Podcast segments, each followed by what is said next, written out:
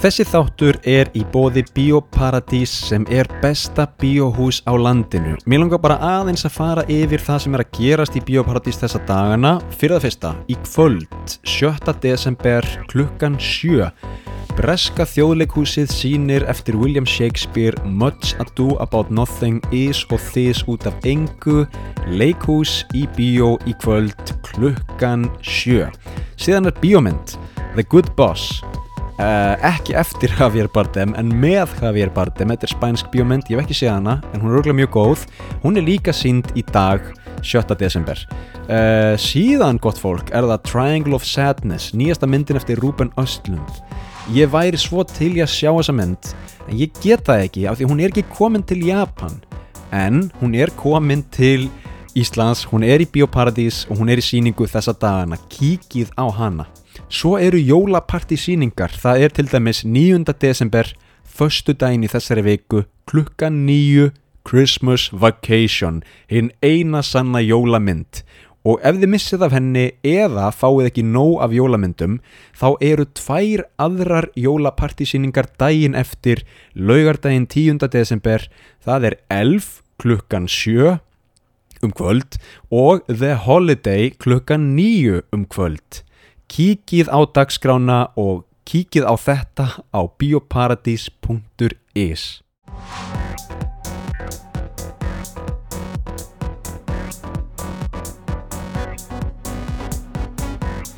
Gott fólk, við erum velkomin í þátt nummer 64. Það er hlaðvarpið heimsendir sem heilsar og hingað er komin góður gestur Jón Foss Guðmundsson. Vertu velkomin. Takk fyrir. Hvað segir gott? Ég segi bara allt flott. Er það ekki? Jú, en þú? Ég segi mjög gott Við erum hérna tveir Íslendingar Nei, þú ert nú reyndar, hvað, hálfur Hálfur normaður. hálfur normaður og vorum að ræða síðast að við hittumst hvort það er meiri normaður eða Íslendingur Já. og hvort er það nú Fyrir eftir hvar ég er, ef ég er á Íslandi, upplifum ég meiri normaður en ég er í Nóri. Já Þá upplifum ég mig 100% Íslanding. Hva- Er það þá af því að, af því að normenn eru eitthvað öðruvísi í Noregi eða er eitthvað svona eitthvað sem þú sérði kringum þeim sem þú tengir ekki við eða Nei, það var bara svona, ég kom aðna, ég fluttið ángað mm Mhm. og ég kunni ekki norska ammælisöngin. Já, já, já Þegar maður fór í ammæli maður svona, Við þú, hvernig er hann? Hvernig? að, það er annað lag, sko. Já, já, já Já. Það er ekki, í dag er ræður fúsilsdag, það er ekki danski. Ég held að það sé líka til, sko. Já, það er líka til. En það er hann að hurra for deg sem fyllir í dag. já, já, já, já. Já, þannig að það vantar svona, svona cultural references að einhverju liti. Já, að einhverju leiti, en ég horfði á mikið að norskum teiknumyndum sem bann. Ok, og hvað hérna, er það eitthvað sem maður hefur heyrt um? Ef þú hefur heyrt um brúðu teiknumyndunar eftir Ivo Caprino, já, alveg rétt. Nei, ég hef nú ekki gert það. Uh, Byrju, eða sinn alvur brúður sem eru teknar upp á myndband. já, Eh, Já, já, já. þetta er ákveðið tráma í mínu lífi. og þá einhver, einhver með hérna, hendina inn í brúðunum eða en þetta er svona Já. marionettur, held ég, einmitt svona strengjabrúður eitthvað svo leiðis. ok, ok, áhugavert uh, ég hef ekki séð það Mæli með ég að bara sleppa því. já, já, já, ok, ok en hérna, við erum hérna í Japan og sko, ef við kannski byrjum á því bara uh, áður en við förum svona aðeins í, í hérna hvaðan þú kemur og af hverju þú ert í Japan og allt það uh, ertu með eitthvað á heilanum þessa dagana, veist, er eitthvað sem þú veist svona alveg að hugsa mjög mikið um þessa dagana Er ég með eitthvað á heilanum? Nei, nei, eða ég held ekki. Hvað- Jú, jólin. ok Ég er búin að vera með jólin á heilanum. uh íslensku jólin eða bara yfir höfuð yfir höfuð en mest íslensku sko því náttúrulega ég fer ekki heim í ár mm.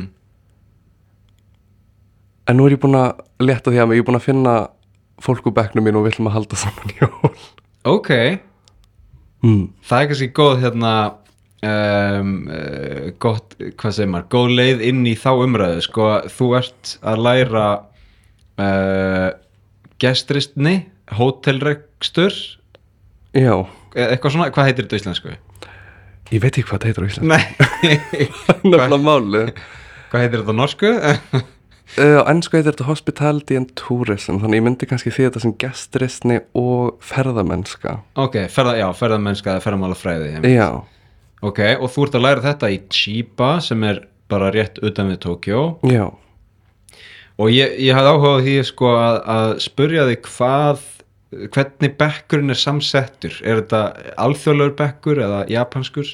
mjög alþjóðlegur ég held, það er einn í Japani Mm ok, annars er þetta fólk frá Nepal og Uzbekistan og Brasilíu og Kína ok og þú ert að fara að halda jól með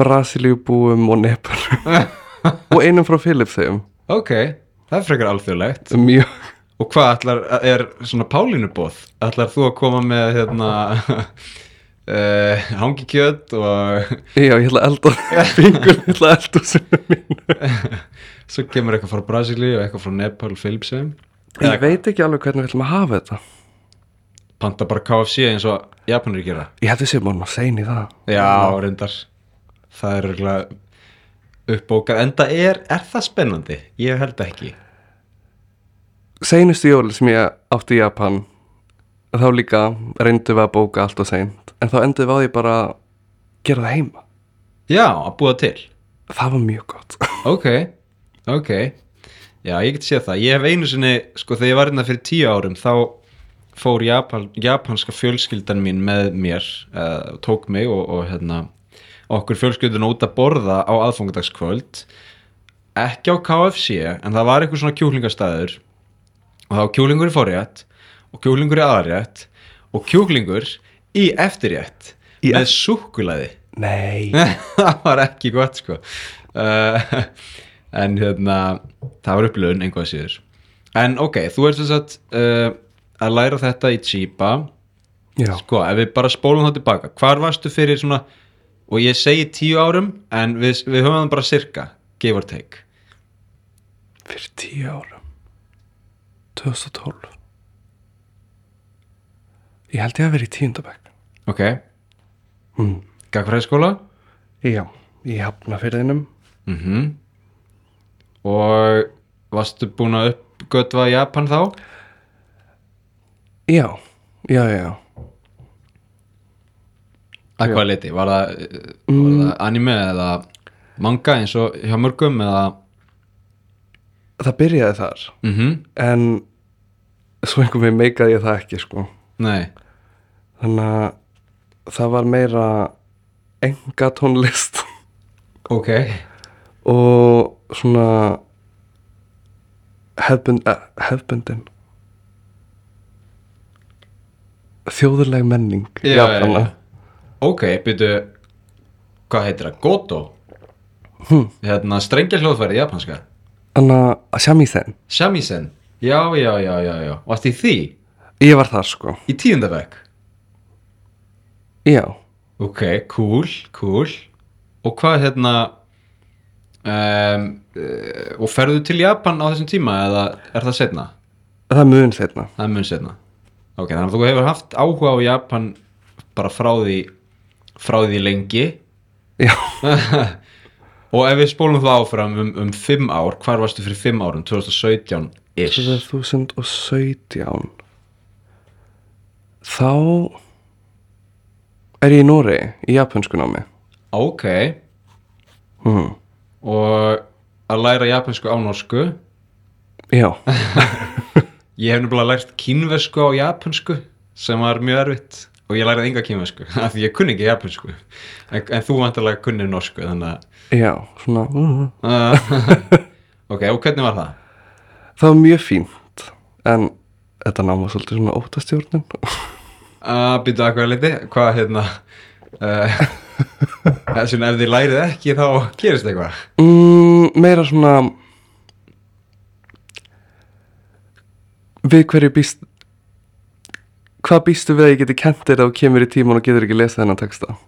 ah, ok, Mm. kennari sem er að díla við alls konar issue eða hvað En ég lærið mikið af því Ok, og ég passa að það kemur aldrei fyrir aftur. já, ok, ok, ok Einhver ægi eða eitthvað svona Mm. Smá, já Ok, og þar læriður einhverja japansku Já. einhvern grunn og ferðu svo til Japan Já, svo 2019 fer ég í skiptinám. Ok Og þar varstu í hvaða héraði eða svæði Ákvað- Hokkaido. Hokkaido Eins og ég Mm. Uh, ég var þar 2011-12 og þú varst 2019. Fyrir þau sem ekki vita þá er Hokkaido nyrsta eiga Japans og fallegasta eiga Japans. Eða hvað? E, því ég er mjög sammála. og þar er besti maturinn. Algjörlega. Já. Var eitthvað, hvað, áttu eina svona, eitthvað svona eftir, eftirminnilega minningu þaðan? Eftirfinnilega minningu Bara Í raun þetta ár er bara einn stór minning sem ég átti þarna Aha. Ég kynnti svo mörgum og fekk að búi í þessari frábæri borg sem Hakodate er Mhm. Já, Og þú bjóst hjá fósturfjölskyldu eða svona japanskri fjölskyldu? nei Nei, Við Ég bjóði einbílshúsi með Fjórum kóraubúum og tveim ástralum ok, ok og það er, ok, það er hérna og og var, þú veist eh, var svona, hvað sem var voruð þið mikið að mingla eða, eða voru kóru búarnir að tala kórusku og, og þú ástralinn að tala ensku eða, Við vorum eins og bara bræður allir sko. ok geggjað já, og þú ert þarna í eitt ár uh, aðalega læri japansku, ger ég Já. ráð fyrir og síðan ferðu til Íslands Já. og tekur eitt gott COVID uh, einn góðan heimsfaraldur þar Já. og kemur svo aftur til Japan Já. og þú kemur hvenar í ár Ég kom núna 28. mars. ok, cool þannig að þetta er þetta nám um, eh, gestristni og ferðamálafræði í Chiba í Japan á japansku Nei, nei, á einsku á ennsku. ok og hvað er það að gera? Við, við erum alltaf að skrifa einhver rapport og, ok og halda fyrirlestra fyrir hvort annað. Aha. Ég meina, þú veist, er ekki að því að Japan er nú þekkt fyrir gesturisni Já. og svona kurteisi og skipulag og allt það Ertu að fá mikið af þeirri menningu í gegnum þetta nám? Já, mér finnst það. Við, einn af fyrstu áfengunum sem við tókum á seinustöðan var henni mannarsið áfengi. Já, já, já, já, já. Og hvað, hvaða, vit- hvaða vitlið sem gerði þetta þar? Uh, hvað gerði ég nú þar? Jú, það var einu sinni sem ég stóð ekki upp á neyðum í lóktímans. ok, og sk- skammaður fyrir það Nei, en ég fekk illt auga. já, já, já, já. einmitt en ég meina við, við fáum samt svona smá gætin pass sko, við, við megum vera aðeins öruvísi að því við erum útlendingar eða hvað kannski ekki í þessu námi uh, ég veit ekki hvort ég komist upp með það í skólanum. nei, nei, Því kennir hann að vita að ég tala japansku. já, já, já, einmitt þú átt að vita betur Mm, en það eru ótrúlega margir svona, hvað segir maður, siðir margar venjur og reglur í kringum já, sérstaklega japanska matarmenningu já, er eitthvað svona sem þú manst eftir sem kom þér á óvart eitthvað sem má ekki gera eða eitthvað sem má gera sem er skrítið mm, það kom mér á óvart þegar ég komst að því að Japani blanda ekki mjölk og hrísgrunum. mhm og það reyna að búa til grjónagraut Nei, en ég var að tala um það við stelpu sem var að fara í skiptinam til Norex og ég sagði, já, þú verður að fá í gröð. já, já, já, já, Oh, einmitt það er svona óheilagt fyrir japanum já, en samt er þetta neitt onið á hverjum degi í grunnskólum. já, já, já, fá alltaf mjólk með áttagsmannu sínum einmitt, já, fá svona með kartan, einmitt. já, En veitu, er ekki líka, en það er kannski ekki mjólk, en þau fá sko grjónagraut, sérstaklega svona eldra fólk uh, og, og aldrað fólk, þú veist, það eru gerð, Já. það er gerðir svona hrísgrjónagrautur, en bara ekki með mjólk, já, einmitt, og, og hann er svona saltur, þú veist, það er svona grjónagrautur mm. með soja og, þú veist, og hérna, það er smá gott Já, er það ekki? Ég meina, það er svona, það er svona ef maður er veikur heima og það er kallt úti og svona og maður er bara að horfa á Netflix Já. og þetta er svona komfort að taka svona grjónagraut hita hann upp, brjóta egg út í að hræra já, og sesamúli já, já, já, já, já Já, ég meina, það er gott stöf, sko En ég meina, ég hef reynd að búa til grjónagraut fyrir eh, fjölskyldunum minna hérna japansku og, og þau bara, þeim finnst það viðbjör, sko hmm. og sama með havragraut reyndar náði ég, ég bara þú veist, ég er búin að borða havragraut upp á hvern einasta dag í ég veit ekki hversu mörg ár og sko kona mín hún er farin að elska havragraut henni fannst það eins og pappakassi fyrst sko já, um, en það er eitthvað þú veist, ég veit ekki það, það er eitthvað svona, eitthvað sem má ekki blanda saman já hvað var það fleira sem má ekki blanda saman það var það eitthvað er náttúrulega alls konar með prjónana sem mátt ekki gera já, já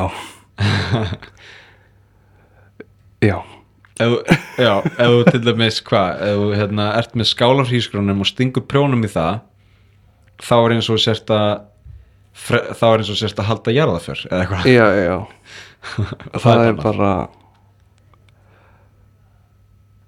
ég fæ sjokk þegar ég sé það sko já, já, þú ert komin hóka já. ok, ok en svo líka leggja prjónina yfir skálina já, það er bannað það er bara en það gera það allir já, já, já, ég meina maður vill ekki leggja það á borðið nema að sé svona prjóna standur á borðinu já, sem heitir hvað, veistu það? Hashioki Hashioki, einmitt, einmitt, einmitt held ég já, já, já. ok, þannig að þið eruð að læra að einhverju leiti, þú veist, svona dót líka, mannsiði og svona matarvenjur og, og svona en eruð þið líka að læra þú veist, lærið þið einhverja eldamennsku mm, nei, ég held ekki en við þurfum að taka kurs um mat og nývapör og alls konar ok og er það, þú veist er þetta aðalega japansk menning eða er lík, takið líka kurs í franskri matarmenningu ég veit ekki alveg hvernig það verður nei, nei Það Ég hef kemur- bara heyrt um hennan kurs, hann er vist kendur af gegnum netið Já. frá Malasíu. Ó, og hæ, okkur Ég veit það ekki. hann var það allavega á seinustu en út af COVID. já, já, já, já, já, ok, ok Ok, tökum aðeins þetta svona almennt um Japan Hvað elskaru við Japan? Hvað elskar ég við Japan? Uh, hvað er þægilegt að búa hérna? Mhm, Hvað ég get, ég get hoppað upp í lest og verið komin einhvert. mhm, Ég þarf ekki að býða og skipta á hlem. einmitt Í kuldanum Já, um, Það er alveg rétt, sko uh, Ég, þú veist, þetta er svona, þetta, er, þetta fer upp og niður, sko Ég, fó- ég tók lest núna sunnudaginn síðasta til Kamakura sem er hérna sunnan við Tókjó það er þetta fara á ströndina þar það er þetta að fara í fjallgöngur og svo er þetta að upplifa gamla bæinn í Kamakura og þetta er mjög næs og lestin kostar bara 400 kall eða eitthvað, klukkutími ógsta næs, ógsta þægilegt en sko á heimliðinni þá var lestin svo yfirpökkuð af fólki það er sunnudagur sko og ég var, al- ég var og ég var ógstlega þreyttur ég var búinn að, við vorum að labba hana eitthvað eitthva, eitthva fjall allan daginn og þú veist, við vorum alveg þetta er bara geggja, þetta er ógstlega næs en ég bara, dem ég væri til að vera með bíl mm, Þú veist, og þá saknaði ég þess á Íslandi að geta bara hoppa út í bíl sett bara svona miðstöðan í gang sett hérna eitthvað lag á, sett hýta í sætið skilur miðið hýtastillinguna og keira bara þú veist, keirir í tímundu kortir þá ertu basically komin út úr bænum og oft er ekki mikil umferð um helgar sérstaklega um, Það er öfugt í Japan, það er ótrúlega mikið af fólki í almenningssamgöngum alla daga einhvern veginn. Já, Ok Er eitthvað annað sem þú elskar við Japan? Uh. japanska tungumáli Já, mm. af því að það er fallegt eða auðvelt Það er náttúrulega alls ekki Það er ekki auðvelt, nei En mér finnst það fallegt Já, mm. og það er líka skemmtilegt það eru núna margar típur af því eftir Já. því hvort þú ert- og það er kannski eitthvað sem, sem þið þurfa að lí- læra líka í gestristinni ef þið eru með viðskiptavinni eða ég vil hátt setta viðskiptavinni eða kunna eða eitthvað þá þurfa það að tala sérstaklega japansku Já, frekar en bara casual japansku já Algjörlega hvað elskar þú ekki við Japan? Pólitíkina Mm -hmm. þessi Ég á mjög erfitt með hana stjórnmálin eða þá bara svona uh, Ríkistjórnina já, sjálf já, já, ríkistjörnina, ok mm, já Hvað heitir flokkun? LDP Já, Liberal Democratic Party Jiminto minni mig mm. sem er búin að vera við völd í bara 100 ári eða eitthvað bara endalaust Mér finnst þau erfið Já Þau er þetta ekki mikið bara gamlir gaurar með Jú. gamlar skoðanir Jú, um, og mikið grátt hár mjög mikið grátt hár Já og skallablettir já, já, já. Nei, ég meina, þú veist, þetta er ákveðin risaðila þau hérna allar svona nýjar hugmyndir og breytingar þurfa einhvern veginn að ringsnúast í kerfinu í 50 ár áður en það er eitthvað gert í þeim sko. Já, Ertu með eitthvað dæmi eitthvað sem, eitthvað sem svona stingur þig eða þið finnst hérna, skrítið í pólitíkinni? náttúrulega bara þarna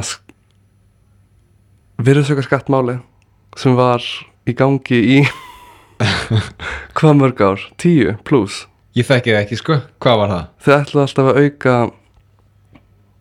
skattin sem maður bætir á þegar maður er að vesla í búðunum Já, um 10% já, og það gerist aldrei já, þanga til ég kom til Japan já, já, já.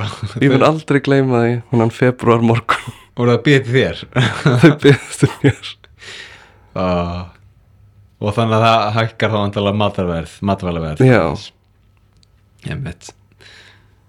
Já, þetta er, þú veist þetta er, hérna ég meina svo er bara enn og aftur, við tölum alltaf um þetta sko, hérna, eins og COVID og svona, COVID á Íslandi er búið COVID í Japan er ekki búið og, þú veist, ég veit ekki, ég meina ég vil þó að það væri engin ástæða til að halda því áfram þá tæki það samt 1-2 ár að einhvern veginn Já, vinda ofan að því að klára það bara því að það er allt, það er allt svo hægt hérna, það reyfir sig svo hægt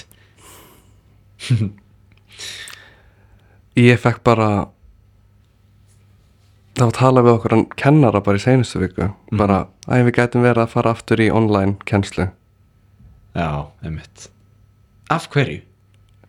og því að það er einhver nokkur auka case, eða, já, tilfelli af COVID þú veist, það, það hefur talað um svona ef það fer yfir 10.000 tilfelli á dag í Tókjó þá er það nýbylgja eitthvað svona og ég yfirfarið þetta á Reykjavík ég tók bara Population of Tokyo deilt með, eða sérst case deilt með því og hérna svo eh, fólksfjöldi í Reykjavík og 10.000 case í Tókjó eru eins og þú veist, 8 case í Reykjavík eða eitthvað þetta er náttúrulega fáránlegt Þú veist, þannig að þetta er, þetta er hella sko. þannig að ef það fer yfir 8 case í Reykjavík þá hefna erum við komið með bylgju Þú veist, það sem er bara ekki í raunin um, það ég skildi ekki alveg nei, ég hérna þetta er erfitt sko, þetta er erfitt og stundum stundum er ég, stund- stundum líður mér eins og ég sé bara að verða geðveikur af því að, það, af því að sko, sérstaklega umkringdur Japanum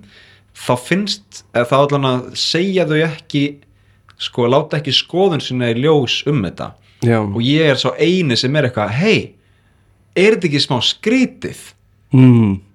eitthvað, hvað finnst ykkur? Nei, nei, þetta er bara öðrulegt ha, er ég að verða rugglaður hérna? þetta er nefnilega, ég þóra ekki að tala um þetta við japansku vinnu mína já, já, já, já, já. Ah, ég meina kona mín hún hérna Sherin, hún hún var með eitthvað svona um daginn í skólanum og var eitthvað eitthvað, hei, okkur, já, hún var að tala um að fyndi svo skrítið að það væri ekki launuð internship í Japan Mm. þú veist, og hún fekk internship hérna, sem heitir sko, vinnu reynsla eða eitthvað svona, ég maður ekki hvað heitir Uh, hún fekk það síðasta sumar og þau voru eitthvað áhuga, okkur líst ógstlega vel á þig, við erum með geð flott portfóljó við erum svona til að ráða þau til að vinna í tíu tíma á dag og þetta verður ógstlega gaman hérna, við getum ekki borga reyndar uh, brr, brr, brr, brr, brr.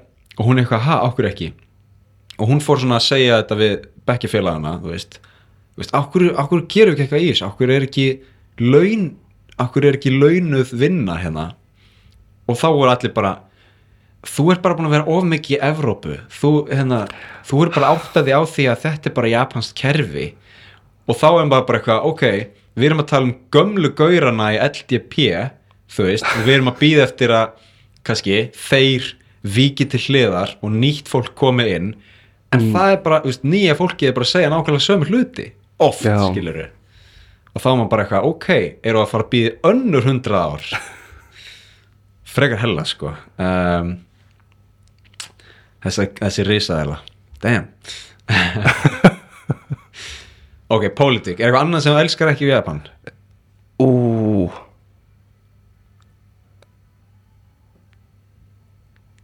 hvað má maður segja? Já, ég er alveg bara hrættur hérna Nei mm,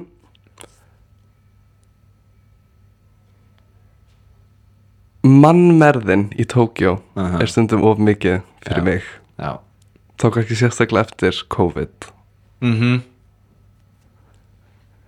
En það er maður ekki bara að venjast ég veit það ekki sko, ég er búin að vera hérna í sjö mánuði þú ert búin að vera hvað í níu mánuði ish mm, um, ég sko ég fór að hugsa bara um daginn ég verð að komast út í raskat eða þú veist, ég verð að komast einhvert þar sem er enginn Já, og ég fann sko eigu þar sem búa 180 manns hún er í svona þryggja tíma fjarlægð frá Tókjó og það er eitt gistiheimili og það er ekkert að frétta og ég ætla að fara þangað Af þetta því ég, hljóma er svo paradís ég veit það ég, sko, ég þarf að komast aðeins út úr þessu Já. dóti sko. um, þú veist, ég heyrði um daginn svo fór ég að tala við eitthvað hérna, ég fór að tala við eitthvað uh, útlending, einhvern ástrala held ég hann var búin að vera hérna í nýju ár og hann sagði eitthvað svona ok, þú ert nýr í Tókjó ok, ef þú, ef þú nærð að vera hérna í fimm ár og verður ekki sturlaður þá myndu, þú veist, þá getur verið hérna endalaust og ég eitthvað, fimm ár, það er sko þröskuldur, ég, þú veist þú veist, ég ég meina, ég get alveg, ég meik alveg að vera hérna en, en ég myndi segja að þú getur verið hérna í eitt ár, þá áttu séns á að vera hérna lengi sko, af því að Já, það, það tekur ekki fimm ár fyrir því að verða rugglaður nei, í Tókjó, sko þetta er náttúrulega stanslist áriði já, Það er tónlist allstaðar mm og hljóðin allstaðar hljóðin í lestunum um, eitt sem ég veist hellaðast sem ég hef samt náða svona átta með einhverju liti á eh, sko þú getur ekki flýtt þér í Tókjó Nei, Þú veist, og, ég- og Japan er lappa almennt frekar hægt og þú getur ekki þú veist, eitthvað, að ég er alveg að vera á setn ég þarf að reyna að sneika mér fram hjá fólksfjöldanum til að komast einhvert, það bara virkar ekki það mun alltaf einhver beigja fyrir þig þú veist, koma á móti þér þú verður bara að bara andin, andu út og bara ok, ég verð þá bara smá setn mm. eða hvað, ertu búin að finna leið Ég er ekki búin að finna leið en ah, ég þóla ekki þegar fólk kemur á móti mér mhm Lappið vinstra mig Ég veit það, Það er regla ég veit það en það fer enginn eftir því Nei, það er nefnilega vinstri umferð í Japan og stundur langar mér að segja bara hei, sem að, kannski veist þetta ekki búandi í Japan en það er vinstri umferð í Japan hvernig væri að fylgja því? Eh, uh, nei, nei, þetta er hérna Já, ég er sammála, fólksfjöldin í, í, í Tókjó er frekar hellaður og veist, auðvitað ætti mann að gera miklu meira af því að fara bara fara bara í einhver lítil þorp þar sem er bara ekkert að gerast en þú varst að gera eitthvað slíkt um daginn Ég fór uh, og tók lestina að skoða japanska árbægasafnið Ok, um, í Narita aha, en þetta var samt ekki, já, Narita Central sko nei, nei, nei, nei það var Shimoza Manzaki aha, svo lappaði ég í 30 mínútur í gegnum sveitina ok, og hvað hva, hva sástu þar? gömul endurbyggingar á gömlum hús Í japanskum? já, Ok, mjög næs mikill svona viður já, og býtu, sko tradition, hefðbundin japansk hús versus japansk hof já sami stíl eða einföldun stundum já, stundum en þetta var mikið svona s- gamli sveitabæir þannig að það var mikil einföldun já, já, já, já, ok moldagólf og læti já, alveg þar, já, ok og hvað fannst þér áhugavert, hvað fannst þér svona standa upp úr mm, í rauninni bara hvað það var allt opið alls staðar já sem er ekki eða veist, ég veit ekki, Tókjó er, ek- eða, hún er ekki opin, en hún er ekki Manhattan heldur, sko nei, og það eru opin svæði í Tókjó en ég veit það ekki, þegar maður svona sogast inn í þessa ringiðu þá einhvern veginn gleymir maður því að það sé eitthvað annað já, þú veist, ég er eitthvað svona að ég þarf að komast til Íslands til að upplefa opið svæði en en ég bara- fekk alveg smá viðáttu brjálaði sko ok, too much mm, nei, nei fínt að já, aðeins að- upplifa það endurum og sinnum loft út emitt ok, ef við færum okkur aðeins yfir í japanskan mat hvað er hérna, hvað er uppáhalds maturinn þinn í Japan? uppáhaldsmaturum minn í Japan miso ramen mhm Miso, uh, já, ég heldur þurfum ekki að þýða það, fólk átta sig kannski á því já, Sko, það er til ramen á Íslandi og það er örgulega til miso ramen á Íslandi en ég, tr- ég treysti mér til að fullira það að allt ramen á Íslandi er mjög ólíkt japansku ramen í. já Hvað er það við miso ramen sem er gott? mér er súpan svo góð Já Þú, hún er svo hérna, japanska ramenið er sko hún, það er svo djúft þú veist, Já. það er svo sem búið að vera að sjóða súpuna í sko bara viku mm, bara svona s- djúp, eh, djúft umami sko mjög og ég, ég gaf mér einu svona tal við sko einn ramen staða eigandi á Íslandi og ég sagði, þetta er bara mjög gott hjá þér en þetta er ekki jafn svona djúft umami þetta er ekki jafn svona þykkt og mikið bragð eins og í Japan og viðkomandi sagði nei, Íslendingar vilja það ekki Jú. og ég sagði aaa, er þetta viss? er þetta ekki bara er, er þetta ekki bara málið að þú nennir ekki að gera 48 klukkustunda svoð mjög líklega mjög líklega sko, já er það ekki eitthvað við Japani eitthvað svona eitthvað sem Japan eru mjög góður í er svona að nostra við eitthvað algjörlega ótrúlegustu hluti mhm bara svo ávaxtabændurnir já, einmitt það er náttúrulega ekki fyrir það að japanskir ávaxti séu svona dýrir nei, nei, nei svo mikil vinna Já og, fu- og sko ekki bara þessi er góður, þessi er ekki góður heldur eru svona mismunandi stig ég fengi 10.000 króna mango sem var bara rugg sko, ég borðaði það með skeif eins og, eins og búðing var það svona mjúkt Já.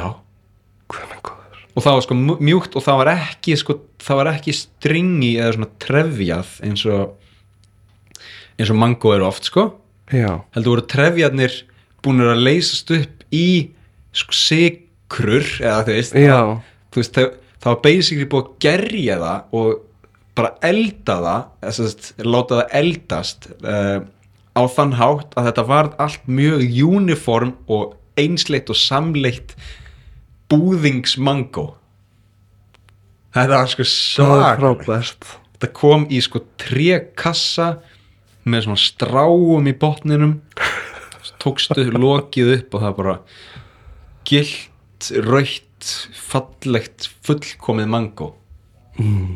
þetta er þetta nostur í Japan hefur smakað eitthvað svona eitthvað rugglaða ávisti Ég hef ekki gert svo frægur nei, En mér finnst mjög gaman að skoða í svona ávaksta búðir já, já, já, já og hvað er svona dýrasta eða flottasta sem þau séð Er ekki alltaf þessar melónur Já. sem eru dýrastar ein vassmjöluna tíu skall, 20 skall mm, eitthvað svona og svo eru þær fáranlega góðar Já, og kannski steinalausar eldrauðar og sko hjúpurinn eða skinnið eða, já, skinnið vantilega er miklu þinnra heldur en annar staðar þannig að það er meiri vassmjöluna þetta er bara, þú veist, þau eru bara alltaf eitthvað að nostra við þetta og fullkomna ferlið já Og er þetta eitthvað sem þú, þú veist, sér fyrir þér að nýta þér? Ávakstina Já, ég meina, eða svona að því þú ert að læra sko ferðamálafræði Já, já, já. í Japan hvernig heldur þú getur tekið það sem þú lærir í Japan og út frá japanskri menningu yfir í það sem þú vilt gera? Já Það er náttúrulega Ef maður er að vinna í þessum ferðamálabans þá verður maður að nostra við gestina og kúnana og Mhm, það er nummer 1 og 3 mhm, þannig að ég held ég alg algjörlega geti einhver veginn komið þessu að í mínu starfi? starfi, já Hvað væri svona drauma, drauma position eða þú veist eh, Já, eða veist, myndur þú vilja vinna í Japan eða Mér langar að vinna í Japan mhm Draumastar að veri hótelstjórnun Ok Að Sjá um heilt hótel Já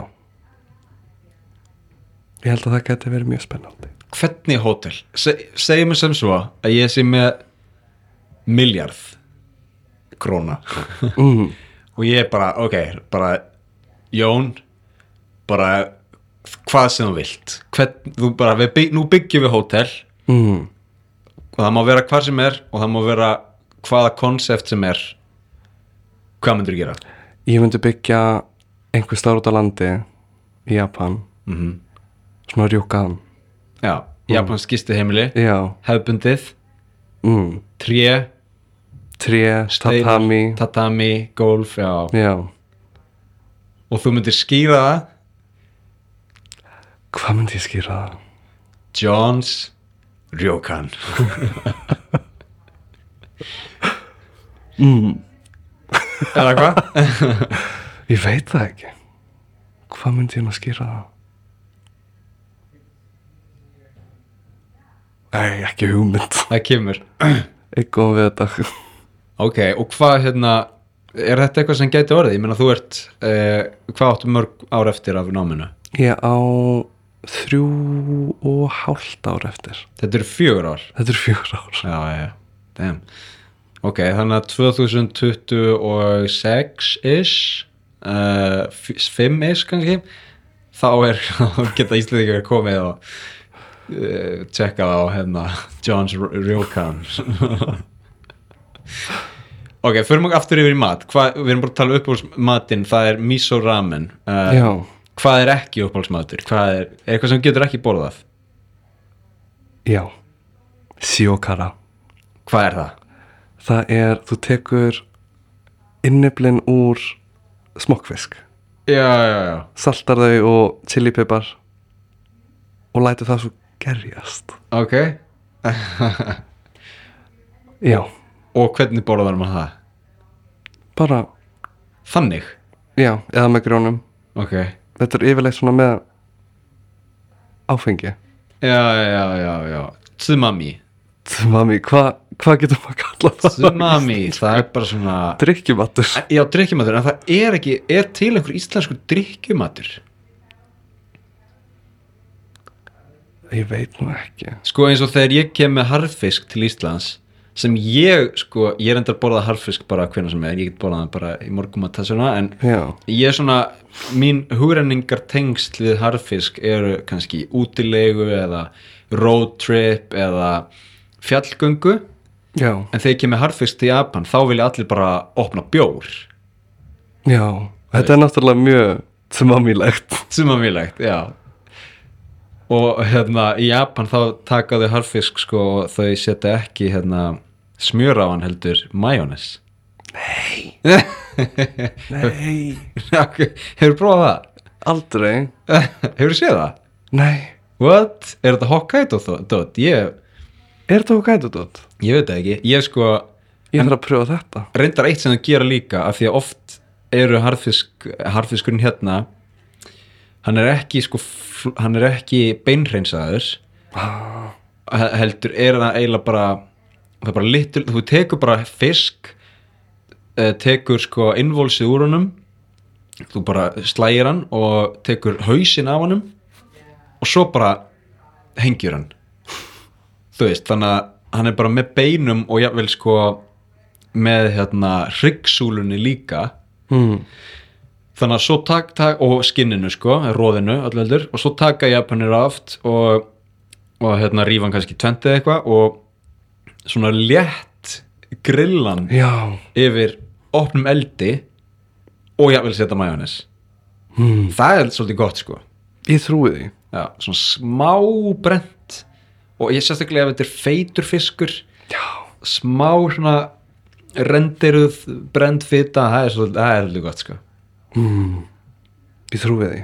Ég þarf að pröfa þetta. annar drikkjumatur í Japan er uh, svona piklað dót Mm. súrsað dót um, kjúklingur kannski svona steiktur kjúklingur það er kannski ekki drikkjumatur, eða ég veit það ekki Mm, jú, Já. getur verið það. ok, þannig að hérna shirokara, nei shiokara Sjókara. það er ekki það er ekki þitt, getur þú borðað natto? Nei, og ég skammast mér fyrir það. hefur þú reynd? Lyktin, Ah. ég þarf, ég þarf að æfa mig. ok, En lyktin er bara yfirþyrmandi. Þetta er náttúrulega Þetta er náttúrulega smá táfílu eh, stemming sko, þetta er sérst gerjar sojabunir sem er uh, sko ég elska natto en ég elskaði það ekki fyrst Nei. tók mér langan tíma að vinnast því sko Ég held líka áferðin gæti verið mjög erfið fyrir mig.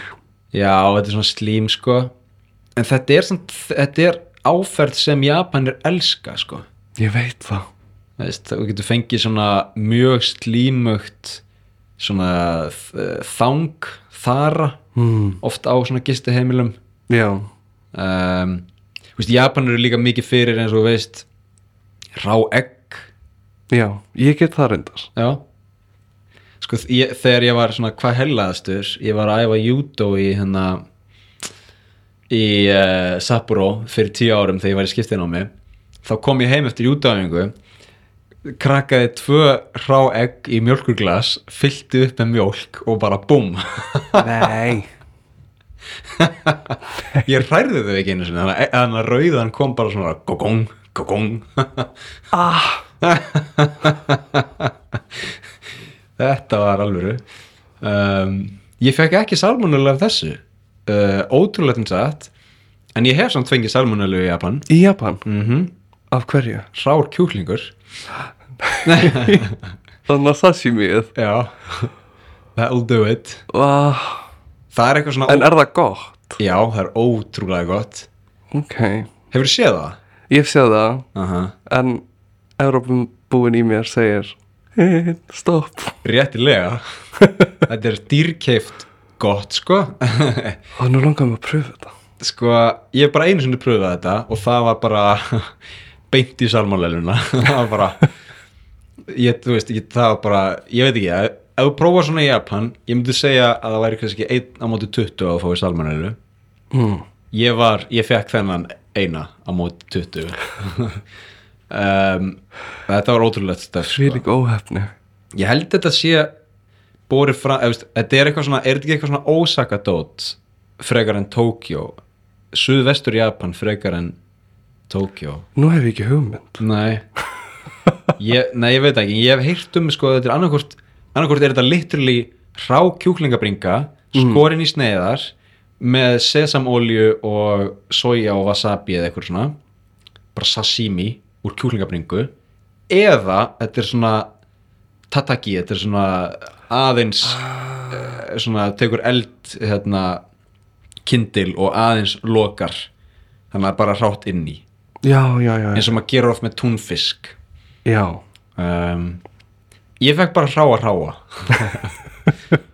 ótrúlega gott ég var með félagið mínum, veist, ég valdi ekki hennan stað félagið mín var eitthvað sem hann var orðin svona salaríman hann var orðin svona flottur business kall í Tókjó Mm. ég eitthvað, hei, það er svo langt sem við hefum hist ef við ekki, að- ef við ekki að fara að borða saman og hann eitthvað, jú, jú, jú, I know just the place skilur ég, ég tek þið bara með mér og hérna og bara herðu ég er með, ég er með pantaborð fyrir tvo hérna og eitthvað og, og svo bara hérna láttu mig bara sjá um uh, matseðirinn skilur þú ert ekkert að ágjur við panta bara einmitt lettur og reynir og reyn síðan kemur þetta og hann eitthvað þetta er sko delicacy, þetta er bara alvöru japanskur matur bara gjöru svo vel, njóttu og ég eitthvað, oh my god, þetta er ótrúlega gott svo bara 48 klukktími setna þá bara dó ég í fimm daga líka sko Nei það var rosalegt Það er mjög dýrkæft já, ég horfði á sko, ég horfði á sko fjórar seríur af House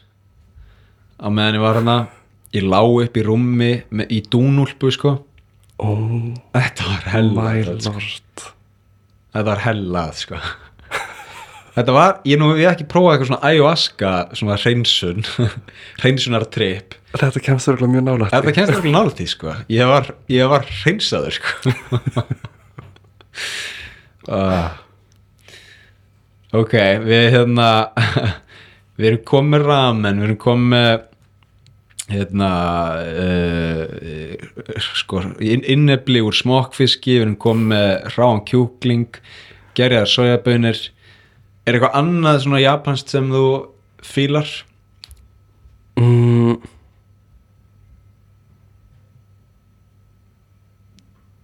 Nú þarf ég að hugsa Af því að sko fólk hugsa oft um Japan, hugsa bara, já sushi Já, það var bara sushi, það er náttúrulega eini japanski matur sem maður getur fengið á Íslandi emmitt og þau hugsa kannski sko rúllur, Já, það er ekki mikið þeng hérna, nei sushi hérna er aðalega nigiri með alls konar Mm. fiskmeti og ná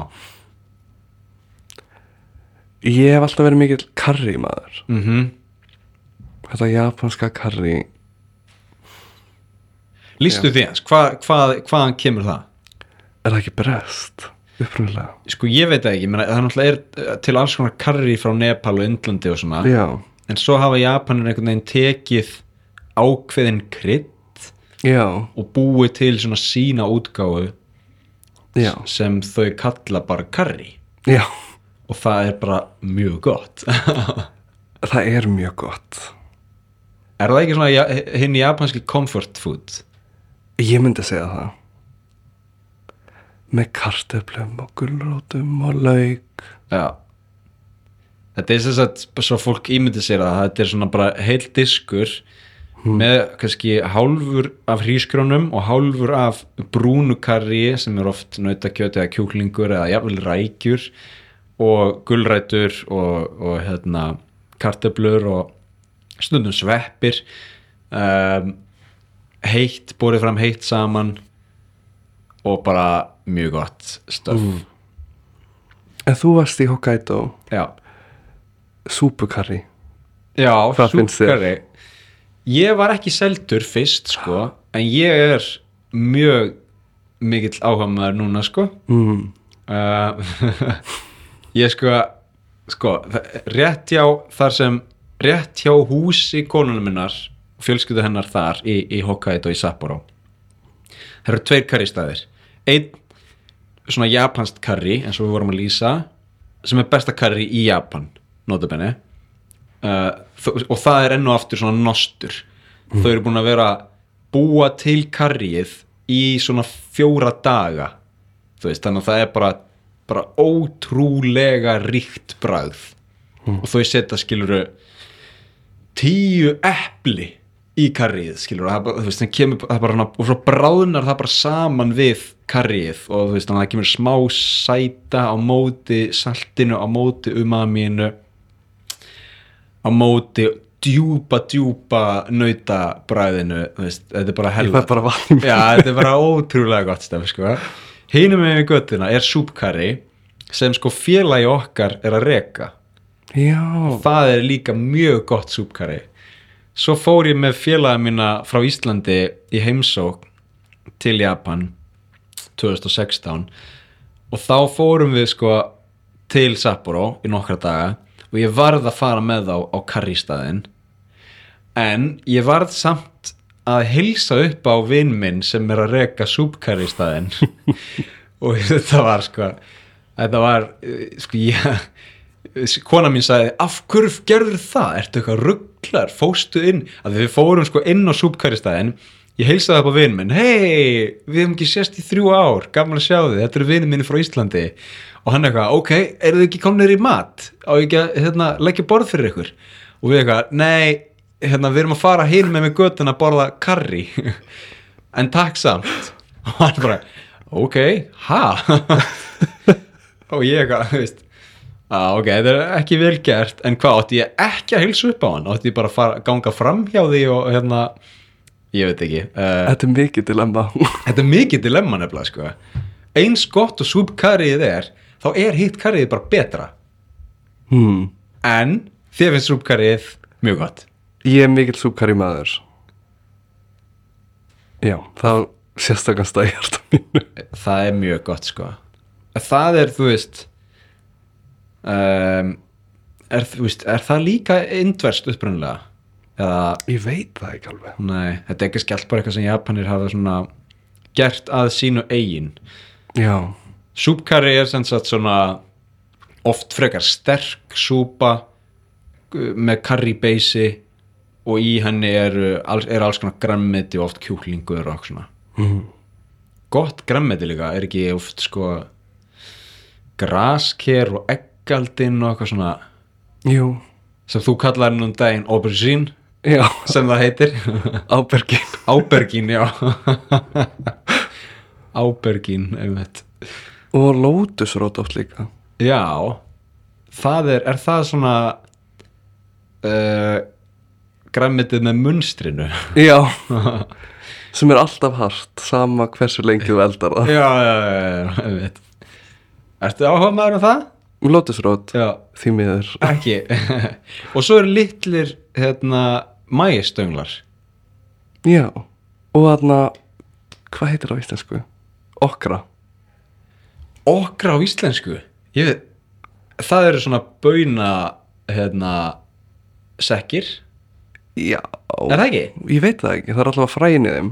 Já, já, já, jú, ég held að sé svona baunasekkir með svona slímum fræjum inni Já, Er það ekki málið? jú, það er mjög gott. Mér finnst það mjög gott, emitt En það er enn og aftur, þú veist, ef að ja, nei, hérna, Íslendingar sem koma til Japan og ætla að prófa alls konar japanska matagerð þurfa að átta sig á því að mikið af þessu er þú veist, það er ein, einn svona áferðar prófíl í japanskri matagerð er slímugt sem er erfitt fyrir marga Íslendinga Mm. maður eitthvað svona já og svo ef þið langar í slímuan mat þá getur þið prófað þetta og þau eitthvað ha, okkur myndum við langa í slímuan mat hvað meinar þau? Japan, Japanum finnst það geðið það er það natto, það er okra það er Mm.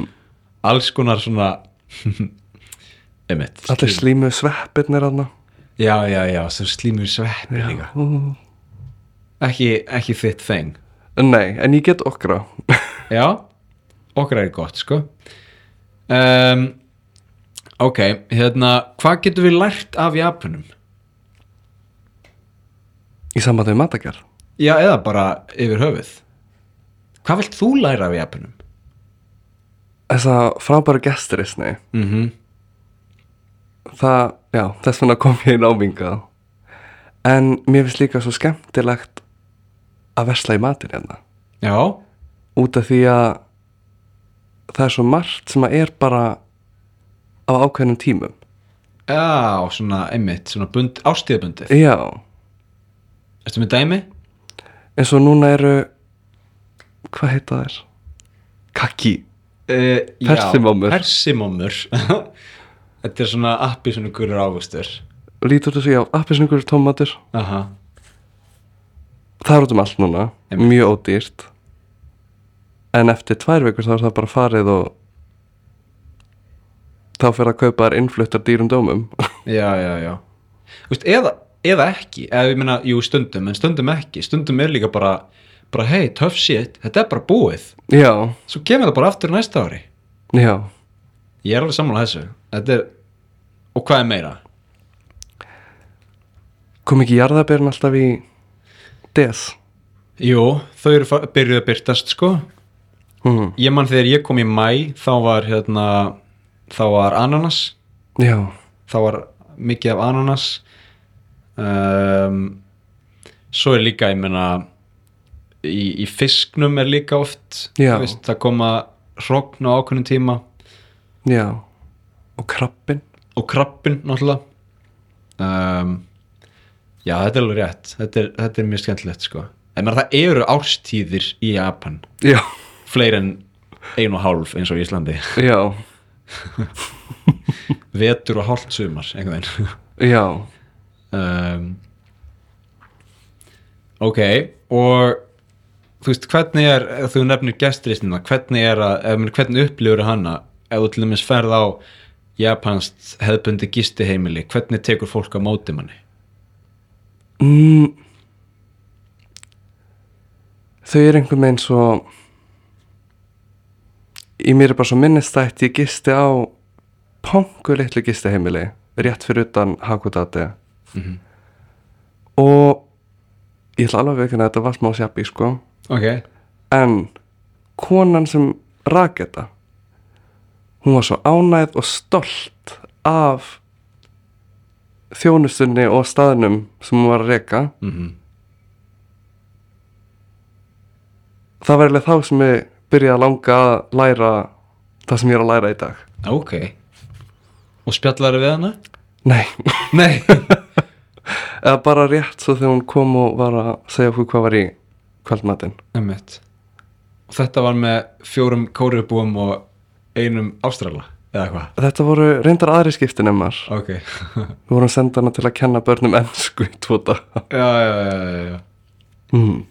Ok Já, ég meina þetta er, þú veist Þau eru einhvern veginn Þau hugsa fyrir öllu og eru mjög svona eh, Ég er bara til í að mæta þörfum manns já, í gestristninni um, Það er mjög þægilegt, þú veist ég, og, og það líka er eh, Jú, jú, þetta er náttúrulega orðið alveg þeng á Íslandi að fara allir mis, maður sá þetta mikið í COVID að eitthvað svona eitthvað að bóka tilbóð þú veist, þú getur farið á hótel, gist eina, tvær nætur eitthvað í borgarfyrði eða eitthvað á innifælið er matur og eitthvað svona mm. eitthvað, eitthvað sem kannski Íslandingar voru ekkert að upplifa eða voru ekkert að pæla í fyrir 10, 15, 20 árum Þú veist, þá var bara hótel eitthvað sem þú fórst á Erlendis já, en þú veist eins og hérna í Japan þá er bara hvað þau að gera í fríun okkar förum á hótel í þú veist Hakone og förum í onsen og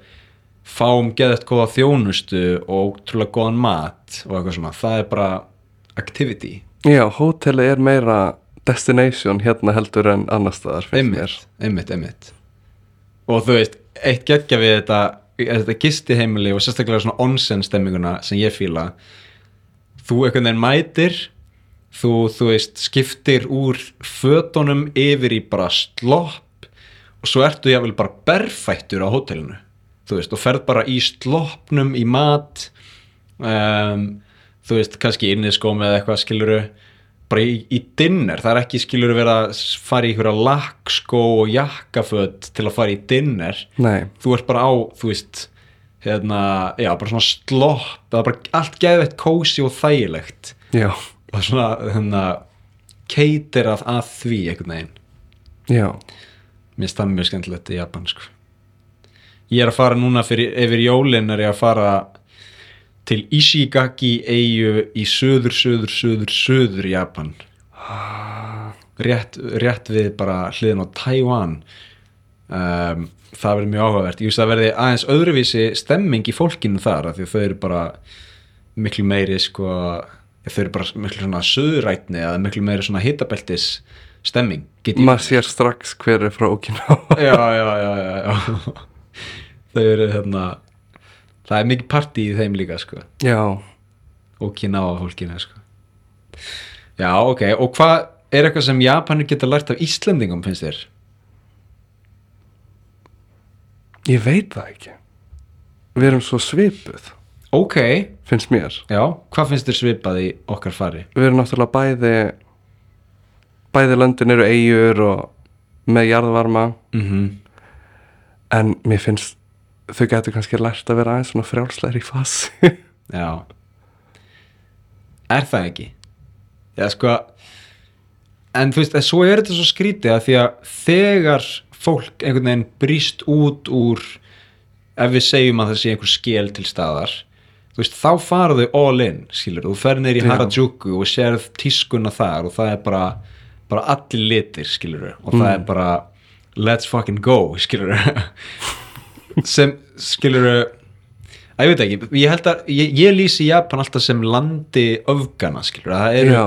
það er svo mikið spektrum og þó að kannski flestir séu á einhverju, á einhverju ákveðinni hérna, bylgjulengd þá er alls konar fólk til og fólk, þú veist, fer alveg í góða öfga og jafnvel neikvæða öfga líka en skilur, það er svona mm, það er hægt að finna alls konar litið hérna, sko, finnst mér algjörlega það er En ég- náttúrulega svo mikið á svona subculture Já, já, já, hvað heitir það á íslensku? ég er bara eitthvað svona undirmenning já, eða- undirmenning, já Já Já, algjörlega og, mik- og þá veist það er hægt að finna allt hérna já, Þú veist, það er bara bara kattarklúburinn í Tókjó eða, þú veist, það er bara maður bara mætir er, ég fór í gær á sko filmmakers night eitthvað mm, eitthvað get together fyrir filmmakers og ég bara, þú veist, það fór í fyrsta sinn það var bara ótrúlega gaman þú veist, það var allir einhvern veginn með sama agenda eða þú veist, það var allir í sömu, sko, stemmingu við viljum búa til góðar bíómyndir já, þú veist, og hérna það er svo næst líka við Japan og, og Tókjó sérstaklega, þessu stór borg að þú getur fundið allar kreðsur já Er okkur sérstök undirmenning skemmtileg subculture sem þú hefur séð? sem ég hef séð